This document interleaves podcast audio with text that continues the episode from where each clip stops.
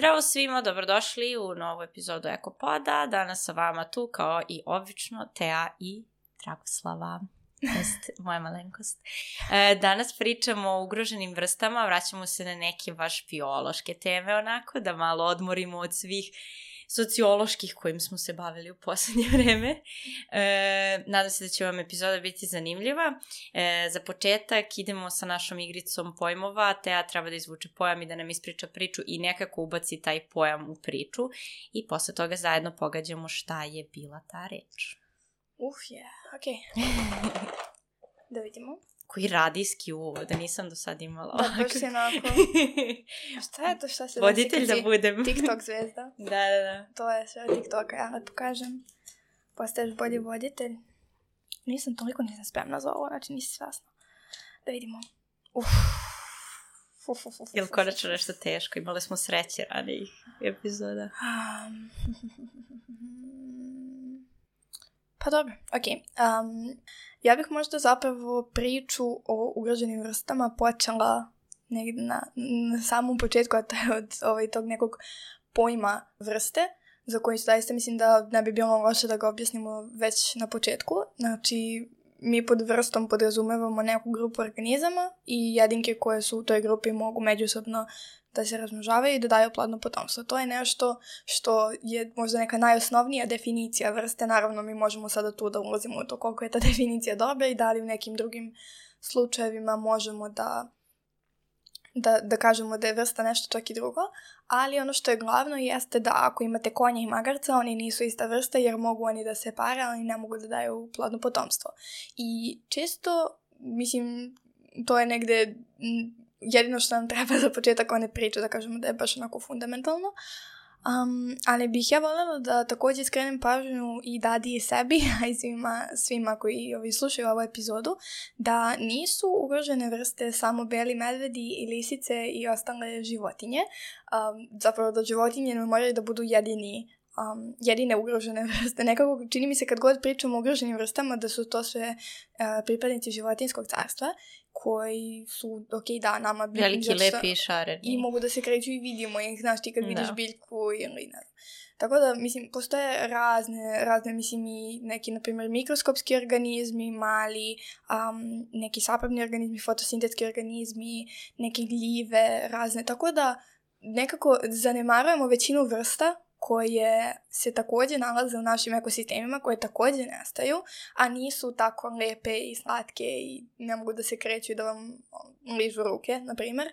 Ove, tako da, ne znam, možda je samo na početku da iskoristim ovu priliku da kažem da treba malo da i mi povedemo računa do kraja epizode šta ćemo sve da prođemo i koje ćemo sve vrste da etiketiramo kao da su vredne pažnje. Eto, to je neki početak. To je tvoja priča. Da, to je moja priča, ja nemam pojma. Znači, ja sam samo bila uzuzna daj samo napričam nešto nekako da, da, da izvod. Mislim, znači, rek, a rekla si toliko reči koji mogu da budu pojam. Bukvalno kao fotosintetski organizmi. Potrudila sam se da kažem toliko reči, zato što mi je bilo jasno da, da sam samo ubacila tu reč, ti bi odmah skontala jer je kao očigledno. Ovaj, Ali mi, ipak mi ništa nije očigledno. Pa zato što sam ubacivala tako... da. Mislim, svakako znaš da smo pričale da sam svakako htjela da pričam o pojmu vrste na no, no, početku no, no. epizode, tako da sam samo... Pa ja sam prošli put uradila sličnu stvar, nije, da. nije zabranjeno, nemamo pravila za pričanje priče, ali sad si me totalno, još sam se, evo ovde da su me videli ljudi, bukvalno se držim za glavu i koncentrišem kao na sve reči koje govoriš. I jednom trenutku si rekla nešto fundamentalno, to mi je zvučalo kao da može da bude pojam.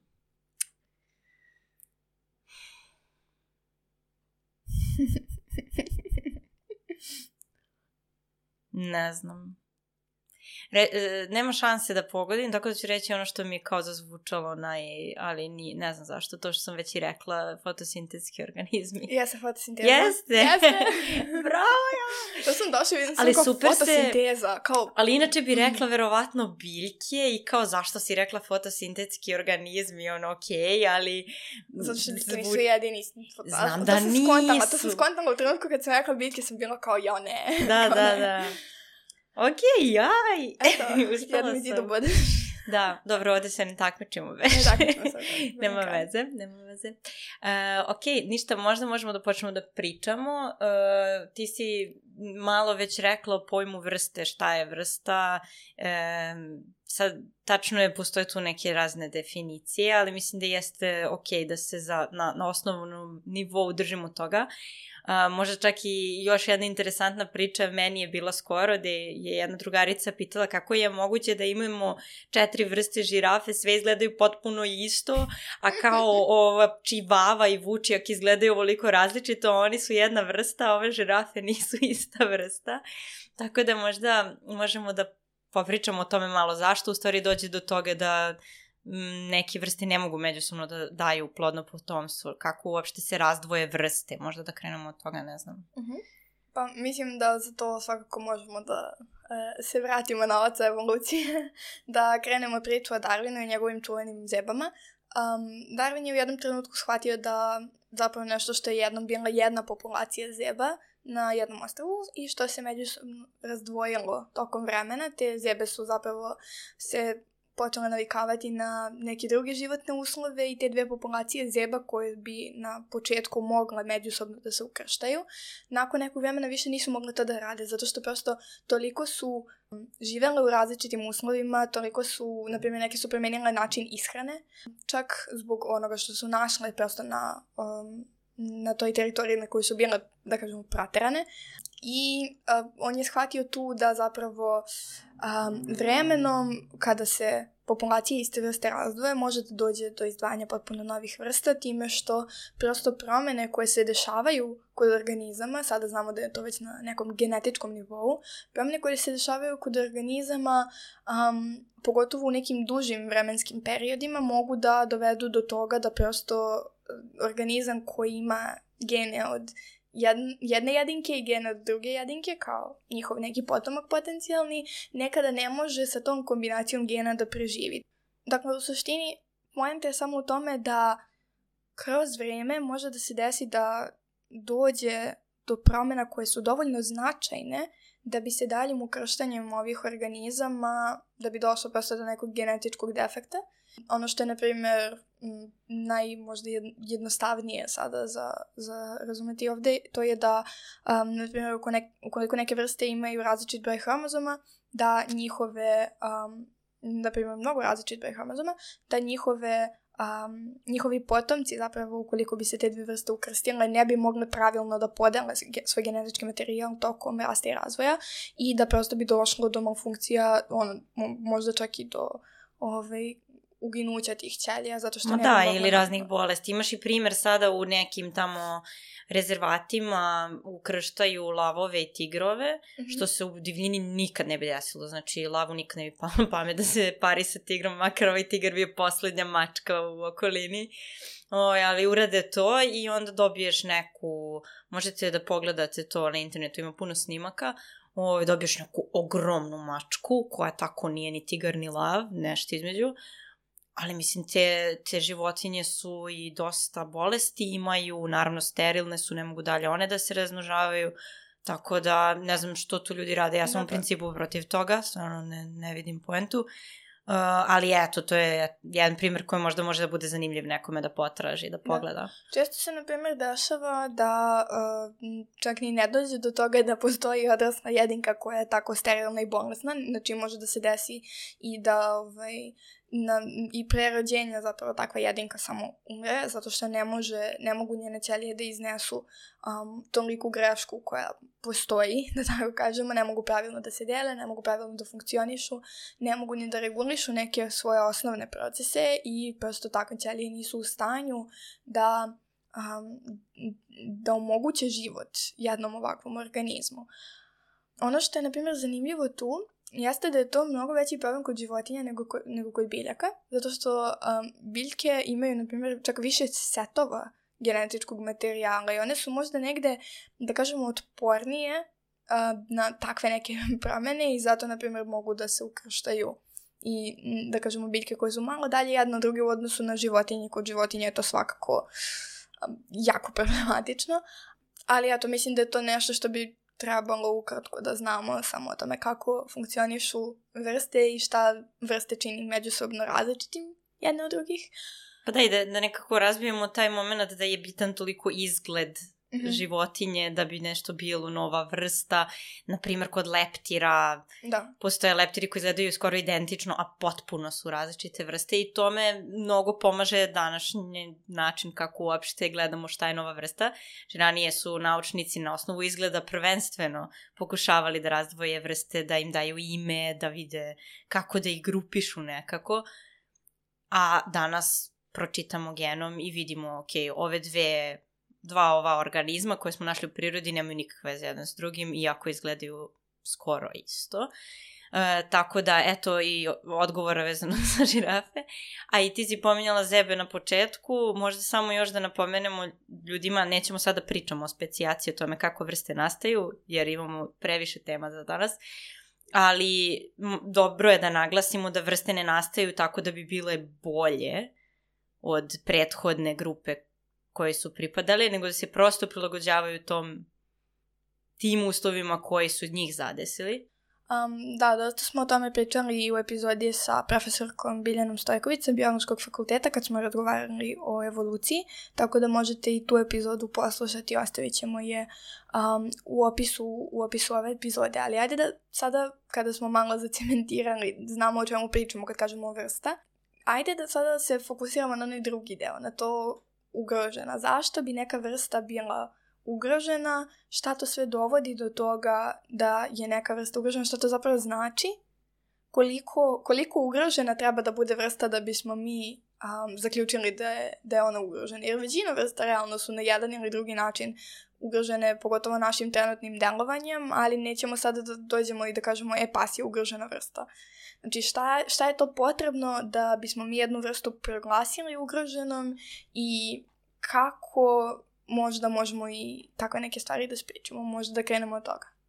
E, da, pa vrsta u principu interesantno je, ja, ja uvek da razmišljam na taj način što mi u stvari smo svesni svega toga kao ljudi i sad mi gledamo šta je ugroženo, šta nije ugroženo, uh, da li smo mi doprinuli tome ili nismo doprinuli tome, a bitno je da kažemo na početku da vrste nestaju od kada i postoje, znači poenta je da će vrste nestajati i nestajale su u velikim brojevima i u raznim prirodnim katastrofama, a i u normalnim okolnostima. Uh, ono što je što mi danas kažemo kada posmatramo neku vrstu i uh, gledamo da li ona ugrožena ili ne, u principu se gleda koliko brzo opada njena brojnost i kada brojnost opadne više od 70%, mi kažemo da je ta vrsta ugrožena ili ako jako brzo opadne na 50%, onda isto malo ranije kažemo da je vrsta ugrožena. Uh, u principu uh,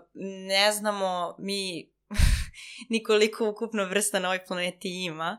Procena neka je da postoji 8 miliona vrsta, ali taj broj je vjerojatno mnogo veći. Samo mi ne, nismo stadni čak ni, na, ni da procenimo, a naravno treba da napomenemo opet da to nisu samo životinje ili dodatno biljke, nego bukvalno sve vrste koje postoje na ovoj planeti. Tako da ono što e, znamo danas jeste da postoji veliki broj vrsta koji nama poznat, da, dakle mi izučavamo te vrste i znamo da su one ugrožene iz različitih razloga. Većina koja je danas ugrožena jeste ugrožena zahvaljujući ili kao posledica dejstva čoveka. E, najčešći neki razlozi su uništavanje prirodnog staništa te vrste bilo da je to deforestacija, znači krčenje šuma, gde veliki broj vrsta ostaje bez svog prirodnog staništa, e, zatim razna zagađenja koja mi pravimo, što u vodenim, znači u, re, u rekama, u okeanu na kraju krajeva, zatim klimatske promene na koje mi direktno utičemo danas dovode do gubitka staništa određenih vrsta.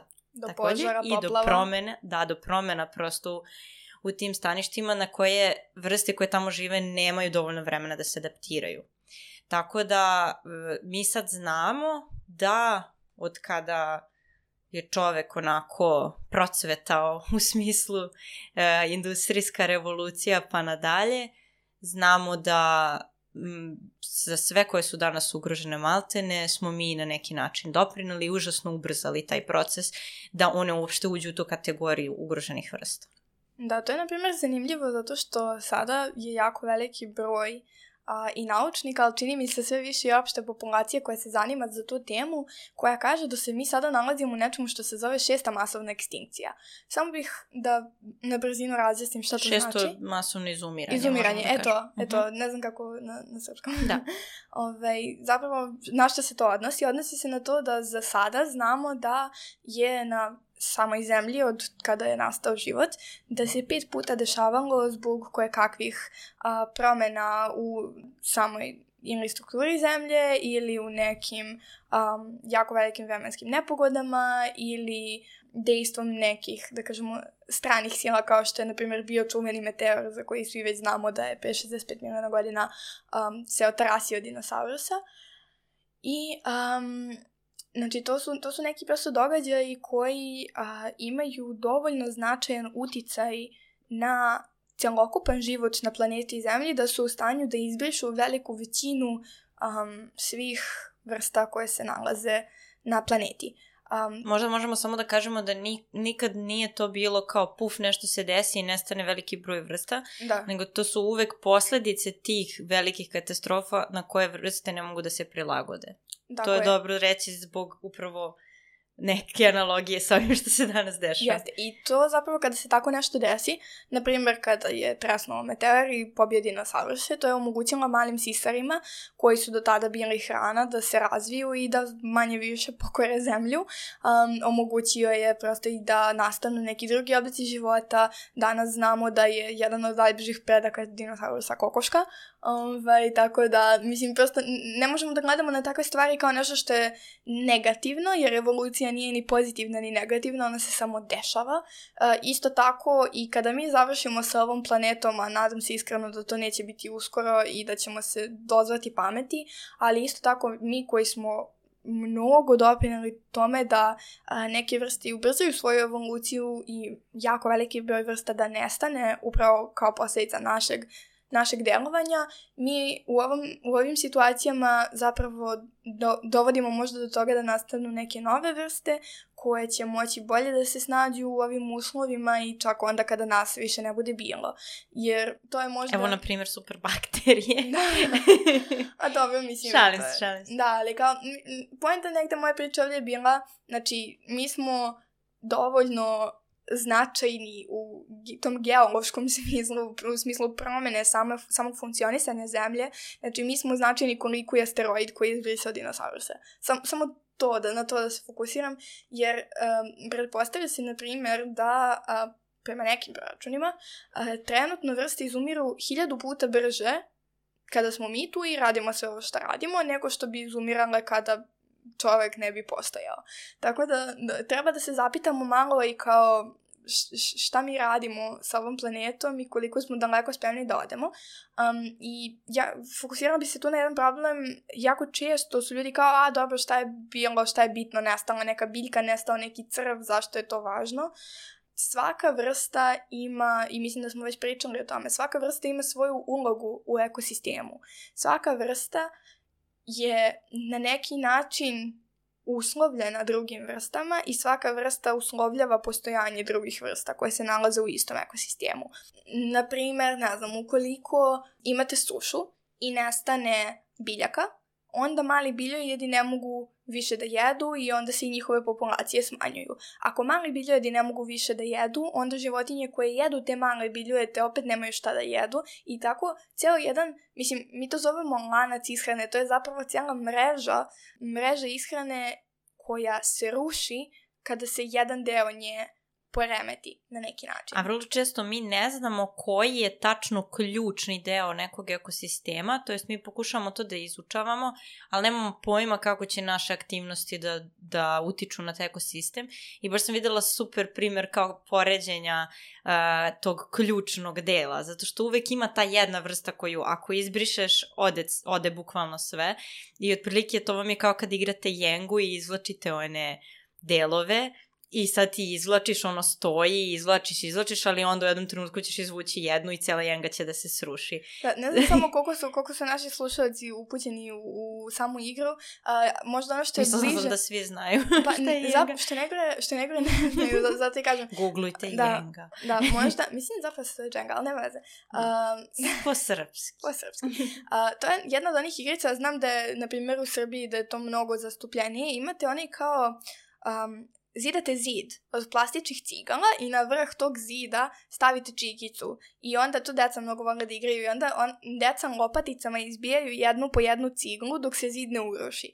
E, Jeste samo, slično, da. samo je fora da to, uh, eto sad imamo za sve uzraste primjer. Da, da, da. Ali ne možemo da predvidimo koja će to cigla da bude, koju kada maknemo, sve će da se uruši. Mogli Što bismo... znači s ciglama, verovatno neki inženjeri mogu, ali sa A, ovim, Pa inženjeri jako mogu teško. zato što, zato što oni razumeju delimično tako je. a, sve što se dešava u tom sistemu i koje tu sile postoje i kako one međusobno Da. um, se uklapaju, ali ono što je mnogo važno da shvatimo što se bioloških sistema tiče, jeste da mi toliko nemamo pojma šta se dešava u prirodi i toliko nemamo pojma koji, a, koja promena će da uslovi smer evolucije neki, neki za, za, za, za koji se sad mi, mi pitamo. Naprimjer, ne znam, da li će možda a, jednog dana ovi insekti da evoluiraju da um, ne jedu samo biljke, nego da jedu i ne znam, izumrle ostatke drugih organizama ili šta god. Mi ne možemo to da znamo zato što ne znamo prvo, znači to, to bi podrazumevalo da vi znate um, strukturu gena svake jedinke, svake vrste u svakom datom trenutku i plus gomilu uh, drugih stvari koje nisu samo genetičke, znači tu je jako važan i uticaj sredine, znači svaki ono signalni molekul gde god se našao i koju god poruku preneo i sve ćelije kako su odreagovale nešto, to prosto nije moguće. I mi ne možemo a, nikada sa sigurnošću da tvrdimo da znamo da, e, ako ova vrsta sutra izumre, ekosistem će biti ok. I često tek to možemo da saznamo kada je ta vrsta već nestala i često to znači da dolazi do jako ozbiljnih poremećaja u ekosistemima. Pa ja bih se samo nadovezala oko toga kako, koliko ništa ne znamo, mislim ne ništa, ali mnogo ne znamo. Uh, naprimer, uh, pretpostavlja se da svakog dana izumre oko 10 vrsta. Mislim, uvek imajte u vidu da su to i, i neki mali organizmi, insekti, svašta. Mi ne znamo njih sve, znači to su sve samo neki proračuni. I razlog zašto mi ne znamo više i zašto čak i za neke mnogo vrste koje su veće ne znamo, ni, ni, pre- ne pokušavamo da spoznamo da li su ugrožene ili nisu. Kao znamo za tu vrstu, ali uopšte ne gledamo, jeste zato što je to sve užasno skupo. Znači, Da. Bukvalno to je razlog. Kada bismo imali e, beskonačne resurse da se bavimo time, popisali bismo sve vrste i znali bismo u svakom trenutku koja je ugrožena, koja nije, šta treba da uradimo, ali to je sve užasno skupo u jednom svetu koji nekako nije prima, ne, smatra da je primarno da se bavimo tom naukom to, i, i. Okay. Že skoro mi je neko rekao, jao, šaljete e, tamo na Mars robota, a nema le, za lečenje dece i tako. Znači, valjda, ovaj, nije za nauku uvek prioritetno da se troše velike količine para i to je okej, okay, ali zbog toga mi ne znamo puno i zbog toga se desi da nekad dođemo u situaciju da je neka vrsta jako ugrožena, mi nismo to skontali ranije i sad moramo hitno da uradimo nešto da pomognemo toj vrsti. Pa da... ne znam da li se sećate možda tog primjera kada smo pričali o invazivnim vrstama, ono sa svinjama. Kad su izlovljavali svinje pa im je trebalo mnogo vremena i mnogo novca, pogotovo za onih poslednjih par posto. To je slično je tako i kada vi pokušavate da mapirate neku vrstu. Znači vi možete da pođete od nekuda da te vrste ima delimično dovoljno i da onda krenete dalje od toga i da vam je sve, sve više vam vremena treba da pronađete sledeću jedinku. Um, prosto to zahteva mnogo ljudstva, to zahteva mnogo vremena i, pro, i mnogo energije, pogotovo ukoliko postoji, na primjer, veliki broj sličnih vrsta. Na primjer, insekti. Zamislite, bavite se insektima i otkrili ste postojanje, na primjer, neke vrste i sad pokušavate da vidite koliko je ta vrsta zastupljena u nekom ekosistemu. To je gotovo nemoguće. Znači, dok, se vi, dok ste vi prešli 10 ono, kvadratnih centimetara, ova jedna vam je buba već odletala i ne znate ni, ni gde i onda morate raditi neke aproksimacije i prosto to je nešto čime ljudi uh, jako redko i žele da se bave, zato pa što je teško je, dobiti da. i pare za to. Da. A i onda kad dobiješ pare, prosto je jako, jako zamorno, a opet, mislim nekako, sve se možda vrti oko toga da to je posao koji se ne smatra značajnim, to je posao koji se ne smatra ključnim na neki način, a možda u nekom idealnom svijetu gde zaista imamo bezgranične resurse za nauku bi to moglo da, da funkcioniš, ali do sada prosto na kraju se opet sve svodi na pande i polarne lisice i ne znam. Ali dobro, bez obzira na to, ipak se ulože neki novac, ipak, e, ne znam, Ujedinjene nacije se bave time, ceo svet se bavi time, dosta nevladinih organizacija, dosta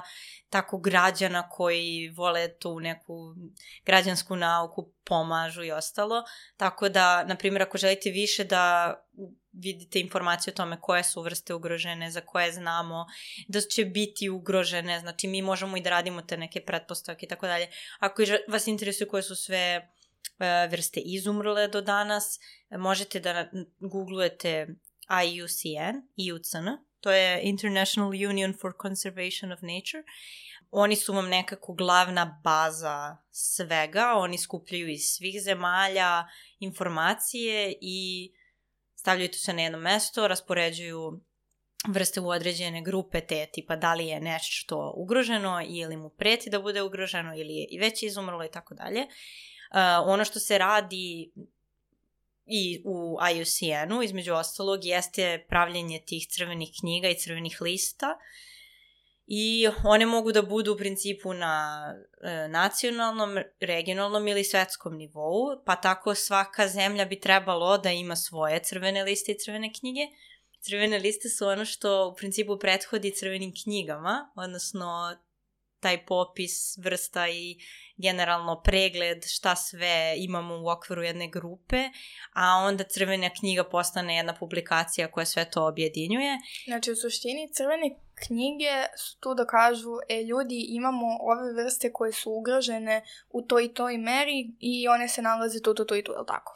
Da, i u Srbiji postoje neke crvene knjige, a za, za to za više informacije o tome možete isto da pogledate sajt Zavoda za zaštitu prirode Srbije. Uh, neki divni naučnici sa uglavnom bioloških fakulteta širom Srbije se bave ovime što smo rekli da nije dovoljno cenjeno, nažalost. Ovaj, e, koliko sam ja uspela da pronađem informacije, to je 90-ih počelo uh, i 99. je prva izdata knjiga, crvena knjiga i bavila se florom Srbije, znači biljke, jel? Uh, I onda go, u godinama, kako su godine nadolazile, tako smo dobijali i druge crvene knjige. Ja nisam sigurna da li one baš mogu da se kupe, pošto nema, pa moglo je, ali nisu u velikom tiražu pravljene i teško je doći do toga. Ovaj, par godina kasnije je i crvena knjiga dnevnih leptira izašla, zatim e, posle toga četiri e, knjige faune, E, prva je bila vodozencima, druga gmizavcima, treća pticama i četvrta pravokrilcima. Tako da postoje, postoje te liste, sve to što tamo piše je ušlo i u ovu globalnu bazu. E, naši naučnici se trude maksimalno koliko god imaju tih resursa, da ne kažemo para, e, jer stvarno ima ljudi koji to vole, jednostavno vole to da rade, vole da istražuju, da, da gledaju koje vrste, mislim mi nismo ni otkrili koje sve vrste postoje kod nas, svak, svake godine može da se nađe neka nova vrsta, ali za ove grupe organizama koje sam pomenula se dosta dobro radila istraživanja do sada. E, neki od tih e, ljudi koji su pisali te knjige su i meni predavali na fakultetu i znam koliko su posvećeni stvarno tome, tako da, eto, nije da ne radimo ništa po tom pitanju, ali onda koga zanima neke, neka od ovih grupa može da se potrudi ili da dođe do te crvene knjige da malo vidi šta je to sve, koliko je stvari naša zemlja bogata vrstama, pa onda tek da razmisliš šta je to na globalnom nivou. Znači, ne znam, to je meni baš fascinantno. U tim knjigama ne, može da se nađe isto i da li su neke vrste izumrle koje smo uh, znali da su postojale ranije. Najčešće te knjige takođe su objedinjen rad velikog broja naučnika, ne moraju da budu, na primjer, dva, tri naučnika. Nekad se desi to, a nekad imate 30 autora, jer se pokupi bukvalno rad mnogih i onda se stavi sve u jednu tu knjigu. Da, mnogo, mnogo se kod nas, ono, što nekako, nekako mi se čini da, da mi znamo i za velike broje vrsta znamo da su ugrožene, ali onda pitanje šta sad? Kako mi da te ugrožene vrste nekako i da ih spasemo od toga? Mislim, to ne mora da bude samo, na primjer, da, su, da, da je mali broj jedinki u okviru neke vrste. To može da bude i, na primjer, da je došlo do masovne, masovnog ukrštanja unutar male grupe, takozvani inbreeding, ovaj, da sad ne koristim neke malo neprekladnije reči za to, ali da je došlo, da je došlo do masovnog međusobnog ukrštanja kod uh, neke genetički malo, ra, malo različite Pa možemo da grupe. da kažemo, znači jedinke grupe koje su u bližem srodstvu nego što bi trebalo da budu kada se razmnožavaju međusobno, jel? Da, ali mislim, vrsta, vrsta ne mora da bude samo ugrožena ukoliko, um, ukoliko nema, da kažemo, dovoljan broj jedinki. Naprimjer, imamo um, Cavendish bananu, kod nje je situacija da su sve jedinke genetički identične i to znači da ne, ne postoji jedinka koja će se bolje snaći um, u divljini nego što bi se snašla neka druga, što znači da um, ako se pojavi neka bolest, a pojavljivale su se već bolesti i Cavendish banane za malo izumrla čak nekoliko puta. Pa da, čak i banana koja je postojala pre Cavendish banane koji, smo, koji su ljudi jeli ranije i koji imale malo slađi ukus i lepši i šta god, deblju koru, Gro Michel, ona je i, i izumrla. Baš, znači, eto, to je jedna vrsta kao i bilo je toliko puno banana, ne misliš da je ugrožena vrsta i onda puf, što kažeš, pojavi se jedna gljivica mala odretna i pobije sve. I pobije sve zato što su sve iste. I, mislim, I Cavendish je sad isto u problemu. Jeste, on ima već par da. puta zapravo mm -hmm. neke infekcije i jedva su ga nešto spasavali, ali da, moguće je vrlo da banane koje ćemo jesti u nekoj daljoj budućnosti, a zapravo ih ima mnogo, mnogo vrsta Cavendish, ona banana koju možete da nađete u bilo koje radnji, manje više ovaj, pa ovo što jedemo, da, da. svijeta, da, ali uh, postoji mnogo više vrsta banana koje su čak, mogu da budu različitih boja, potpuno različitih ukusa, neke koje su baš mnogo slađe, na primjer na istoku ih ima dosta, jako je velika raznovrsnost banana tamo, tako da pitanje je šta ćemo mi od banane jesti za 10 godina. Ali fora sa ovom bananom nije to što ona genetički identična zato što je nešto specijalno drugačije od bilo čega, nego zato što je mi razmnožavamo na takav način, znači uzmemo deo biljke, te jedne biljke, zasadimo ga, ona izraste i to i dalje u stvari ta ista biljka i daje genetički isti plod. Da. I I, i, i onda tako mnogo banana na, na svijetu, to je to, mislim. Opet smo mi se mnogo umešali. Ne, naravno jesmo, nego mislim da, pošto ne, ne znam sad, ne mogu da tvrdim da znam za postojanje konkretne vrste kod koje dolazi do, do masovnog uh, ukrštanja međusobno srodnih organizama, pa neću da lupim, ali to znam da je, za, za njih znam da su genetički identične, pa to ne mogu da, da, da, da, čim su, da, apsolutno da. Ali, primjer, ali to da. bi se desilo sa bilo kojom vrstom, na primjer, ne znam, zamislite da odjednom, ne znam, desi se neka katastrofa i i ostane na zemlji a, desetoro ljudi. Da kažemo, svi zdravi, svi mladi, svi mogu da se razmnožavaju. Imate desetoro ljudi, vi već za dve generacije imate gomilu bolesti koje nastaju tako međusobnim konstantnim Mislim da to uopšte nije ni održivo. Pa nije, ne nije. Takva, takva nikako. populacija ne može, da, ne može da opstane. Tako da nekada čak ne mora ni da se desi da vam ostane ono deset jedinki na, na nekom globalnom nivou da bi vrsta bila ugrožena, može da ih bude možda i malo više, ali ukoliko njihov genetički diverzitet nije dovoljan, ukoliko one stalno ulaze u odnose sa međusobno srodnim jedinkama, uvek će se, um, prosto veće su šanse da se tokom vremena ispolje neke, um, neki problematični geni, da to tako iskažemo, da, da, se, da dođe do pojavljivanja nekih bolesti koje bi u dovoljno velikoj populaciji, koja je raznorodna, mogle da se nekako provuku i da budu, na primjer, redka bolest. I ono što je nekada bilo um, redka bolest, da odjednom postoji sada u ono preko 50% populacije. Da, to je sve tačno. U principu, dosta vrsta koje mi znamo, evo, na primjer, ako, ako se zadržimo na, Sr na Srbiji, pa gledamo kako štitimo, na primjer, neku biljnu vrstu, ako mi znamo da je neka vrsta živela na Koponiku, da je bilo puno i primetimo da sad zbog ne znam kako da nazovem ponašanje ljudi prema Koponiku, ovaj, da zbog raznih ljudskih aktivnosti ta vrsta opada u brojnosti, onda mi možemo da uvedemo neke mere kako da zaštitimo tu vrstu. Naprimer, e, može da se donese zakon da je zabranjeno bukvalno zakonom da je ubereš tu biljku i da možeš da platiš kaznu. Isto važi i za životinje, znači ako je neka životinja zakonom zaštićena, ne smeš da je pipaš bukvalno, kamoli da je poneseš kući ili da je ne znam nešto radiš. Da. O, najčešće su... guštere ljudi vole da mhm. hvataju tako. Ovaj... Mene su kao malo, kao malo naplašili da ja ne smem da pipam bubamare, zato što postoje vrste bubamara koje su ugrožene i da ja ako slučajno ubijem bubamaru da ću ja da idem u zatvor. Uh, ja sam tehnički, tipa tehnički je zabranjeno, da. I mislim, znam, a ne mogu da se setim sada, eto, kako tako stvari ispari iz glave. Na terenu smo baš gledali tu biljku na Koponiku gde su na kraju morali da izmeste žičaru da ne ide e, tuda kuda je planirano, zato što na toj trasi raste ta biljčica koja je mala i tako nikakva, ne bi je neko primetio kad hoda tuda, ali važna je, znači ne možeš samo da uzmeš i kao puf, nema veze, ajde da neke izumre.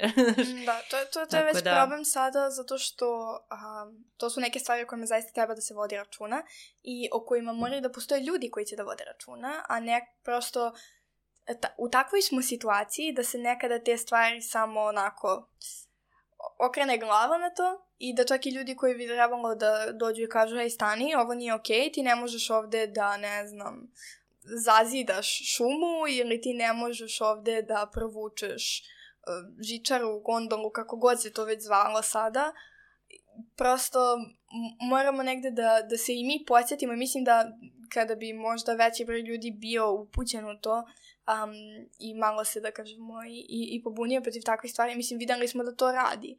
Da, da, ali prvenstveno time moraju da se bave institucije. Znači, Naravno. ako imaš ti zavod za zaštitu prirode, bukvalno se zove zavod za zaštitu prirode, koji na osnovu saznanja naučnika i njihovih, e, kako kažem, prikupljenih podataka sa terena treba da proceni da li nešto treba da se zaštiti ili ne, to njihova treba da bude bukvalno poslednja. Znači, nema tu više ništa građani, ni država, ni investitori, ni niko da se pita. Međutim, ne samo kod nas, vrlo često to nije tako i vrlo često zavisi koliko imaš para, da li će neko ti progleda kroz prste ili ne, kad treba da ugroziš nešto, pa i čoveka, na kraju. O, ovaj, tako da, ne znam, najčešće se to prosto rešava tim nekim zabranama, gde na taj način štitimo vrstu, možemo da zaštitimo i neko celo područje gde ta vrsta živi, da bismo njoj stvorili što bolje uslove da se malo poravi. I nije, mislim, postoje slučajevi gde smo mi jednu vrstu a, smatrali ugroženom, brojnost u populaciji opadala i onda smo raznim tim nekim merama i nekako pomoć, pomoći koju smo pružali toj vrsti sa strane, uspeli da oporavimo i da vratimo i da, da postoji. E sad, to je uvek pitanje, na primer, vi imate primer beloglavog supa kod nas, uh, koji živi bukvalno u Srbiji i onda tipa u Španiji ili tako nešto, mislim, nema ih mnogo. Uh, E, gde mi stvarno ljudi se toliko trude i organizacije civilnog društva i institucije i na lokalu e, na Uvcu se ljudi jako trude da njih e, održe i ne samo da ih održe nego da povećaju broj gnezdećih parova i to radi, ali ključno pitanje je da li bi oni opstali kada mi ne bismo svakog dana bukvalno donosili hranu i ono postavili sto maltene. Tako da ne znam, mislim, mi treba da dajemo, bez obzira na šta bi bio taj odgovor na to moje pitanje, mi treba da se trudimo jer smo mi krivi što, što je uopšte došlo do ikakvog problema sa tom vrstom i tako i sa mnogim drugim.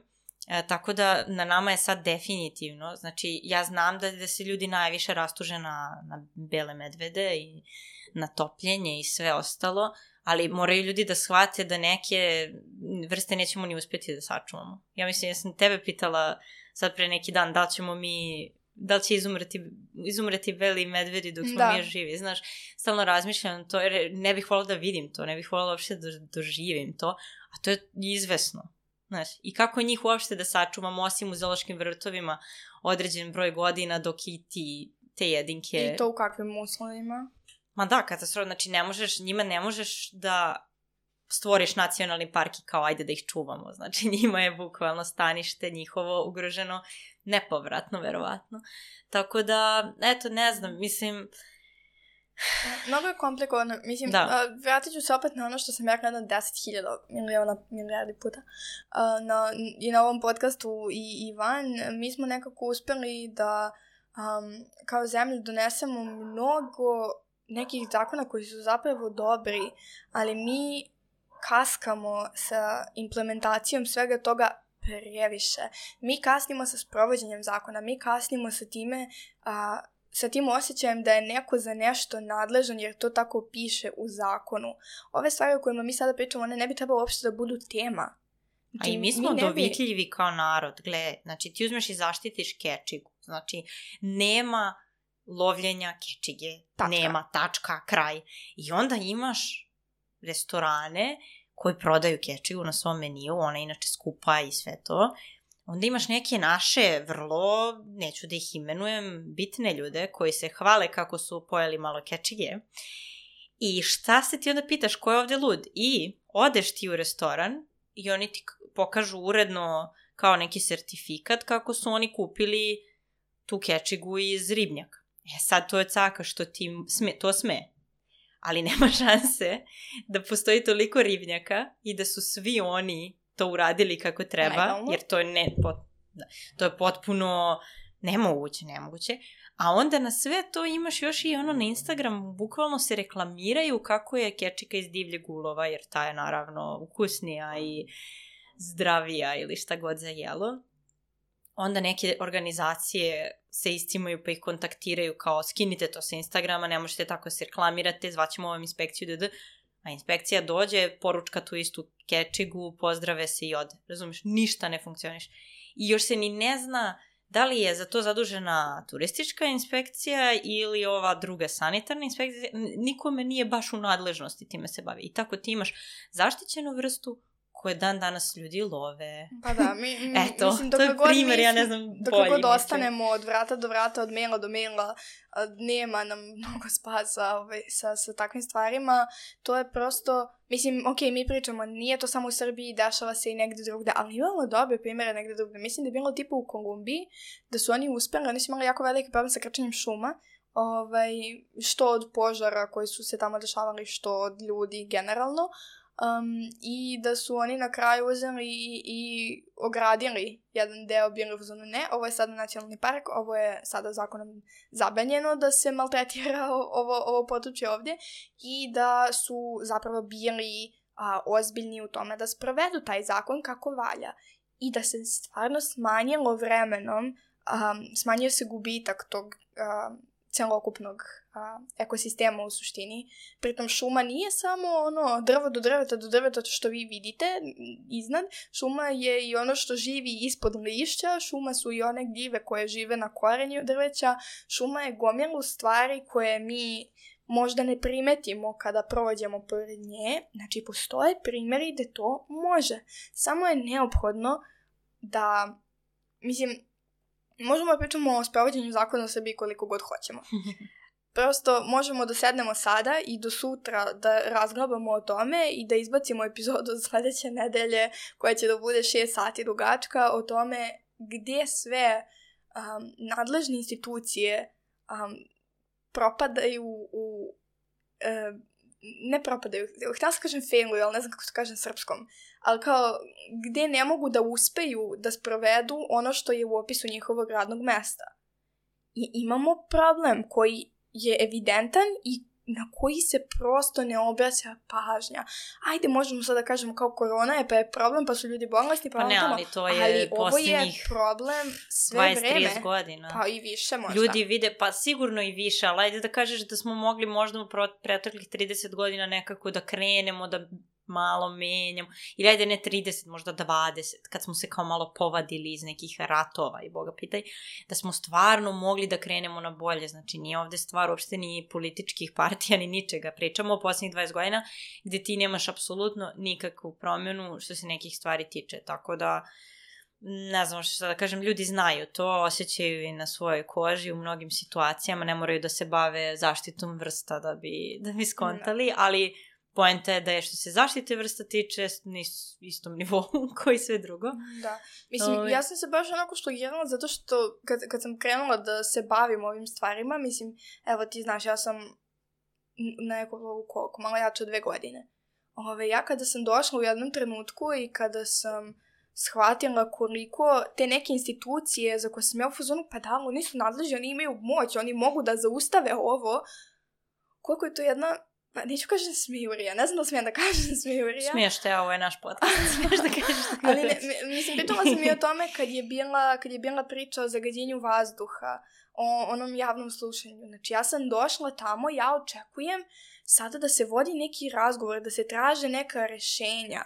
Jedino što mi dobijamo od nadležnih institucija je ili ja nisam nadležan za to, zato što rupa u zakonu broj 7486, ili izgovori. Ne znam, ne, ne znam kako drugačije da ih nazovem. Znači, to su izgovori. To je... Um, za, zašto dozvoljavate da se dešava sa našom životnom sredinom to, to, to i to? A pa znate, ali mi smo uradili nešto drugo jesi rođač uradio nešto drugo, onda si uzao da betoniraš košutnjak, mislim, ne, Joj, prosto, da. da, pokušam da se izrazim na, do, na fin način.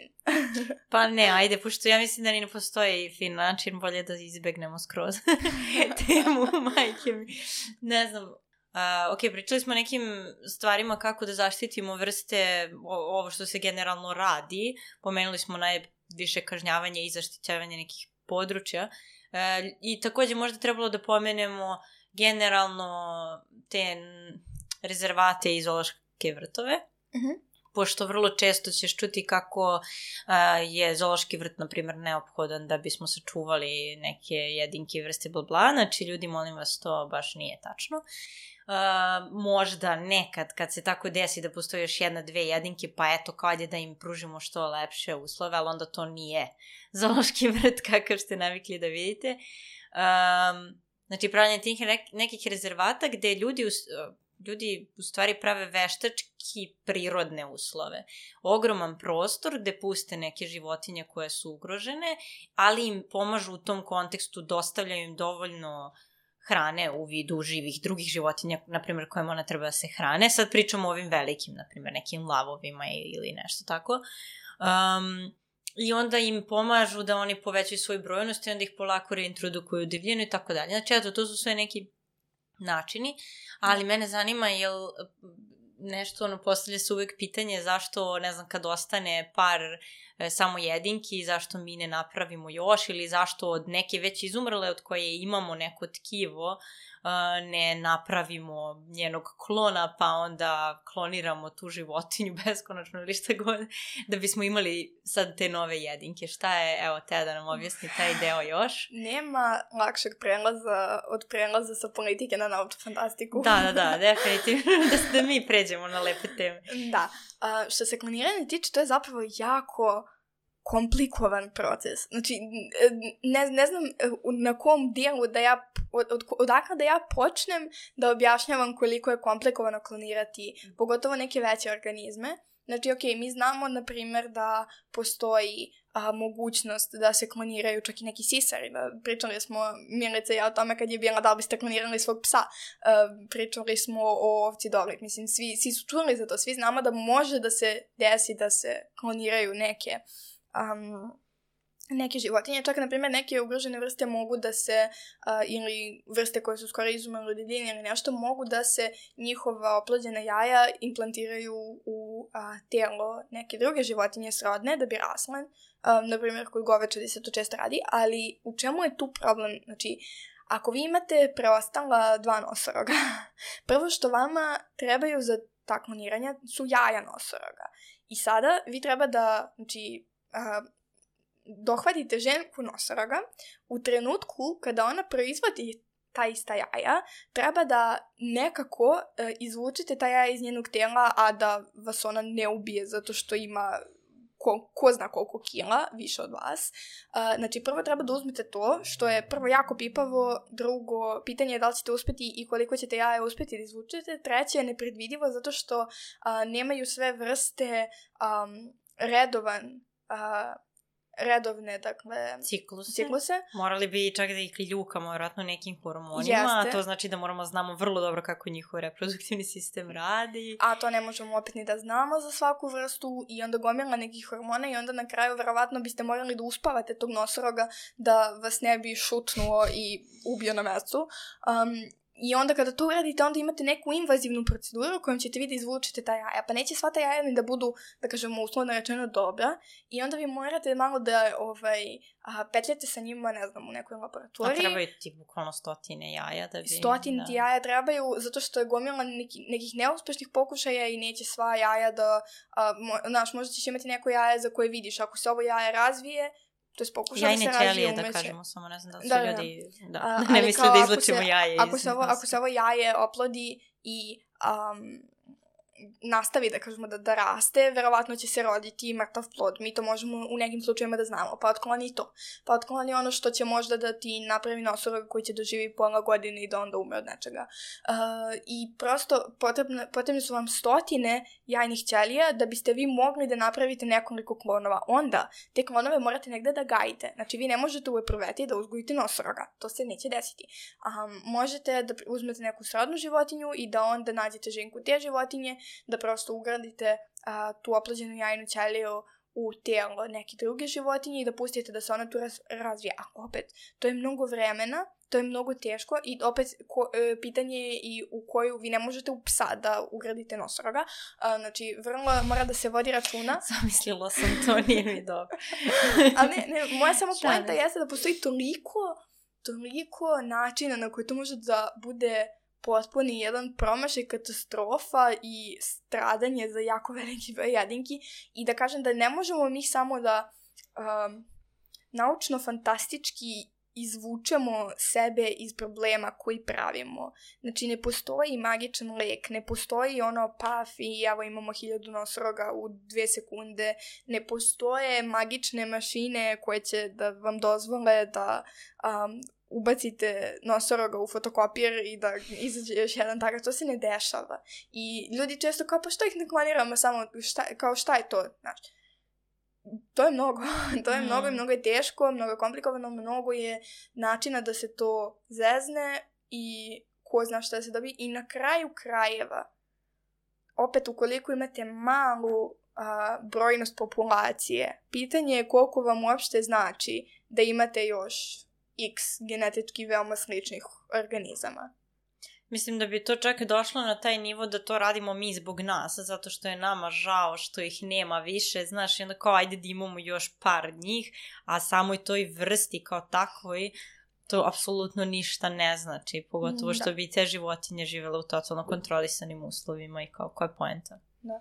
I pogotovo ako su u zoološkom vrtu, znači imamo jedinke koje su rođene u zoološkim vrtovima, koje su navikle da se redovno hrane i koje, ako vi uzmete, ono, na primjer, evo, hipotetička situacija, pobegne lavi iz zoološkog vrta i ode u divljinu. I šta radi u divljini? Umre, zato što ne može, nije sposoban da sam sebi lovi hranu. Znači mi to radimo. Ma čak i kada imaš životinju koja je živela, rođena i živela u divljini i, da. na primjer, povređena je i ljudi žele da je pomognu, bukvalno ljudi greše tu često zato što se sprijatelje s tom životinjom u nekoliko meseci dok se ona oporavlja.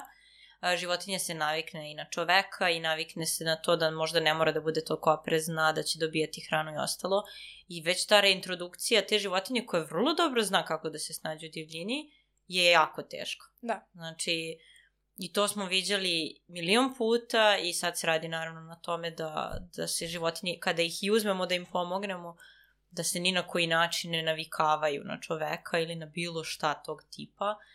Tako da zeznuto je sve to, mi mešamo prste u sve živo, moramo, sad u neku ruku stvarno moramo jer smo i krivi, ali bi bilo super kada bismo malo više uložili u to da ne dođe uopšte do Da. ugrožavanja neke vrste, a ne da uložimo toliko u spašavanje Da. vrsta. Mislim, mi, mi vas da imamo taj problem da, ono... A, Lečimo posljedice, lečimo umesto da sprečavamo uzroke. jeste. Jeste. Jeste, i to je jedan onako um, opšti problem koji nije vezan samo za zaštitu životne sredine, ali možda stvarno nije loše da to kažemo. Znači, konzervacija, očuvanje vrsta, jako teška, jako skupa, mnogo vremena, mnogo ljudi, mnogo energije, koje bi u idealnom svetu mogle da se rasporede na nešto drugačije, koje bi u idealnom svetu mogle da učine um, život drugim organizmima pored nas boljim, umesto što samo pokušavaju da učine sve da bi te vrste preživele. Znači, samo je pojenta da ti imaš fizički živu jedinku kao neki broj u tvojoj statistici koja će da kaže, e, ali mi nemamo 100 medveda, imamo 102 medveda. Znači, da. znači evo, mi radimo nešto, mi imamo 102 medveda. Ali zapravo naj, naj, naj, naj, naj, najvažnije jeste um, nemojmo da dozvolimo da se akcijama pojedinaca dešava da dobijamo ugrožene vrste na prvom mestu, kada to može da bude sprečeno. Pomenula si Kopanik, pomen, pomenut ću evo ja sad da iz Zlatibora, jer je Zlatibor isto na, na putu da postane um, to što je Kopanik Pa i stara planina i sve te mini hidroelektrane i sve o čemu pričamo ovde već koliko. Pa i sam taj uvac gde se nalazi Da. uh, gde se Ali uvek su nekako u, kao ukapirali da je neko sveto mesto, ne znam Da. ni ja, i onda se Ali, mnogo više čuva. Izvini, uvac ima, znači uvac ima zaštitu manje više za sebe i međunarodnih organizacija i naših Da. organizacija civilnog društva. Postoji, znači, jedna naša organizacija civilnog društva koja se bavi konkretno zaštitom, znači same a, doline Uvca i kanjona i svega, znači postoji tu mora da se um, nažalost smo došli do toga da su nama nosilac zaštite životne sredine nevladine organizacije. Pa da. Ali tako je i u svijetu. Htjela sam to da kažem negde za kraj, da ako neko sluša koji ima tako viška para, sumnjam, ali eto, a, možda neki način da, da pojedinci doprinesu, osim što neće zapravo brati u, ono, ugrožene biljke i ubijati ugrožene insekte, i hvatati ugrožene vodozemce i guštere, možete da pronađete prosto neke od organizacija koje se širom sveta bave zaštitom neke vrste, možete čak i da izaberete vrstu koju vi želite, pa da donirate nešto za njihov rad, pošto, jel te, stvarno nije lako i stra- to je sve strašno skupo, tako da ko ima baš veliku želju da, da se nekako doprinese zaštiti neke vrste, to može i na taj način. Ako da nema para.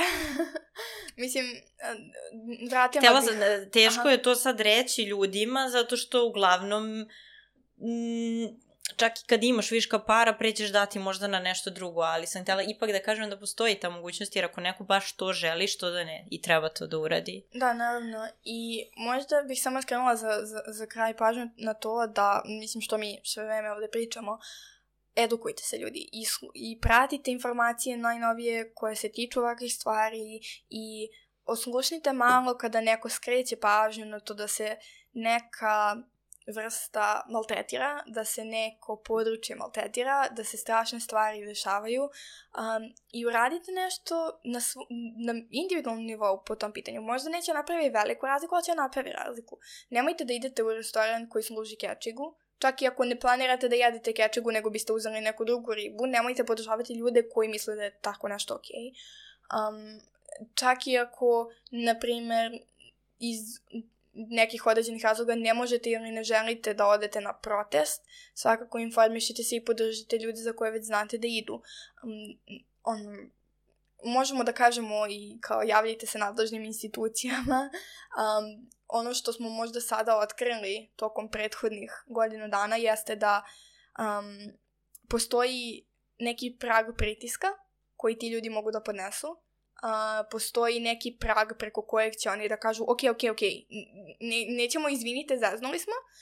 E, redko se prelazi taj prag zato što je jako visoko, ali videli smo šta su radili ljudi koji su lomili um, mini hidroelektrane na Rakiti, videli smo šta se dešava sa, um, evo što ti kažeš, i uvcem trenutno, videli smo ljude koji brane parkiće u komšiluku samo zato što su bili dovoljno, da kažemo, istrajni u tome da vrše konstantno pritisak na nadležne i u jednom trenutku takve stvari će da budu viralne, u jednom trenutku takve stvari će da dođu do velikog broja ljudi. Um, sa peticijom, bez peticije je nebično. Znači, prosto, ukoliko imamo dovoljan broj informisanih građana, ukoliko imamo dovoljan broj edukovanih građana, pričamo ne mislim samo na formalnu edukaciju, nije bitno da li imate diplomu fakulteta ili nemate ako razumete da je ugrožavanje vrsta loša stvar.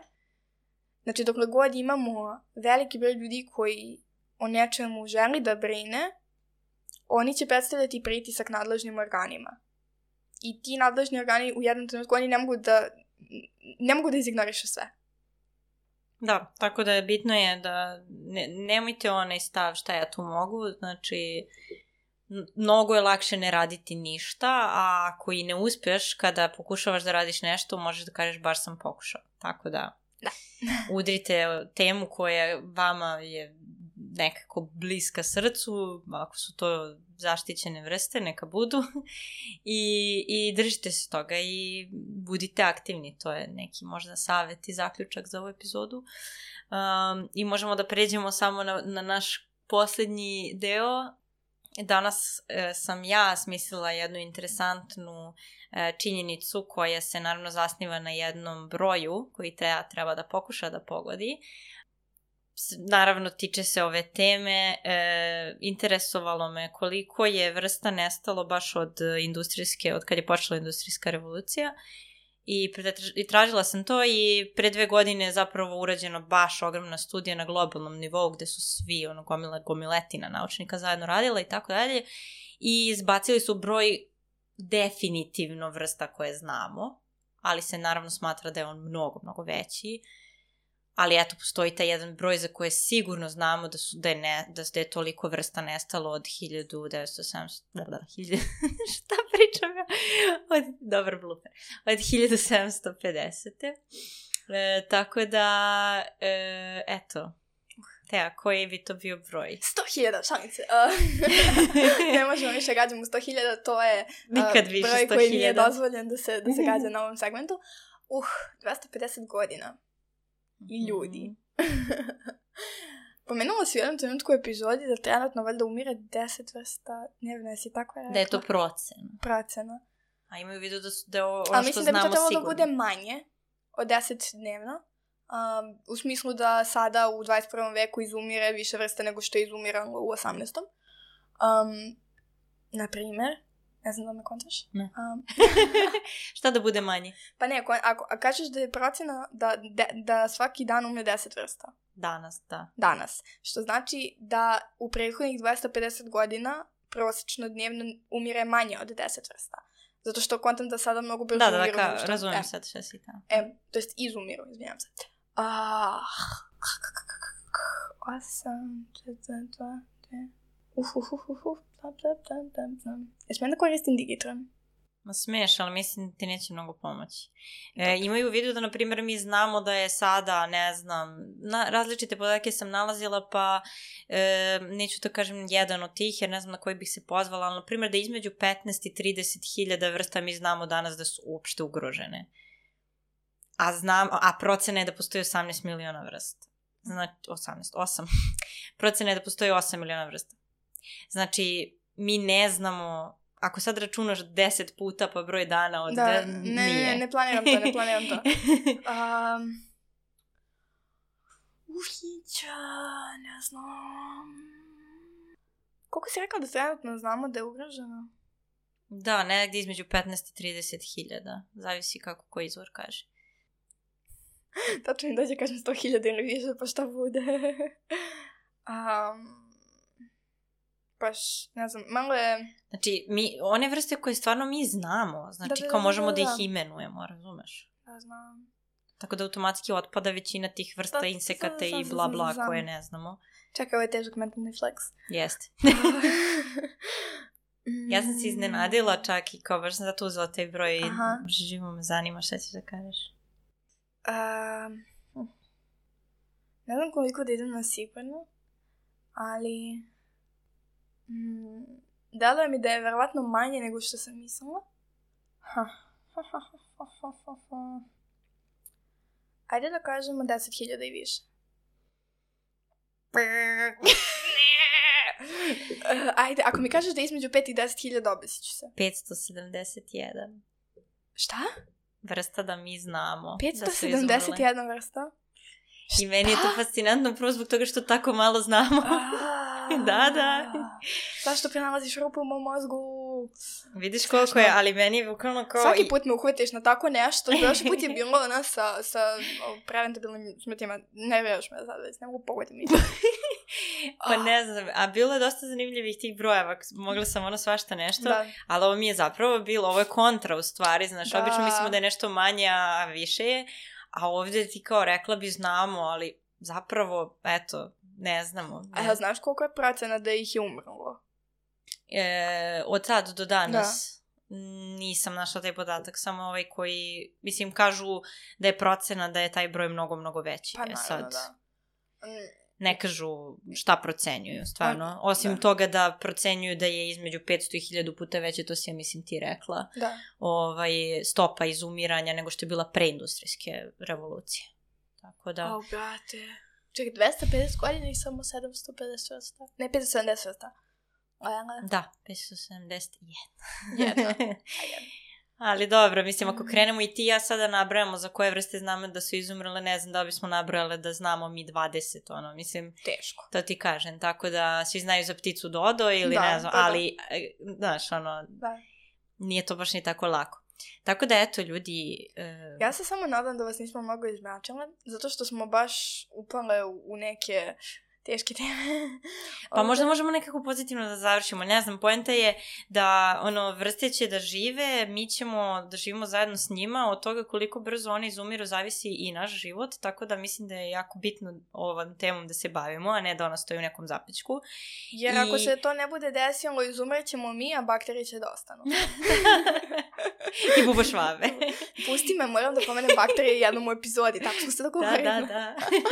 da, inače... Ja sam već pomenula super bakteriju. Znam. Nisi mi uopšte dala priznanje. Zato. Evo, odajem ti priznanje. E. Inače, danas je, to je u trenutku kada ova epizoda izlazi je nedelja i ja znam da smo se mi dogovarali da epizod je četvrtkom, ali ispitni rok.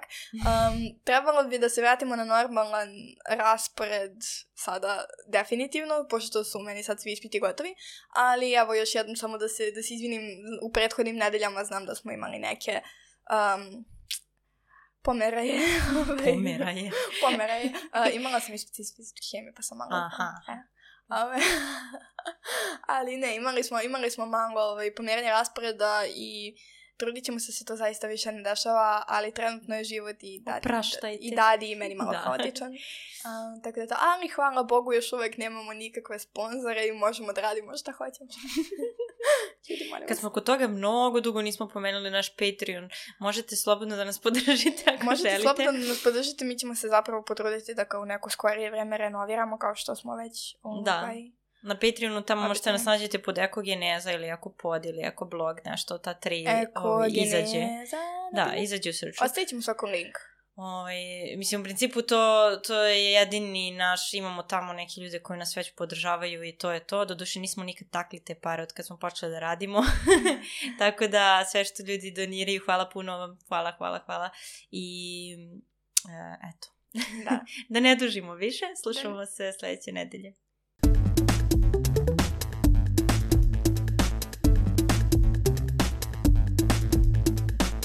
Zdravo svima, zdravo, zdravo svima. Juš, to je nešto mi je, ne čujem se. Ostaje zdrava zapravo samo onda kada se... Um, šta sam tela ne? Šta, nisam ti ni razumela šta Nisam ni ja razumela šta sam tela da kažem, čekaj. Znači, toliko nisam bila spremna za ovu epizodu.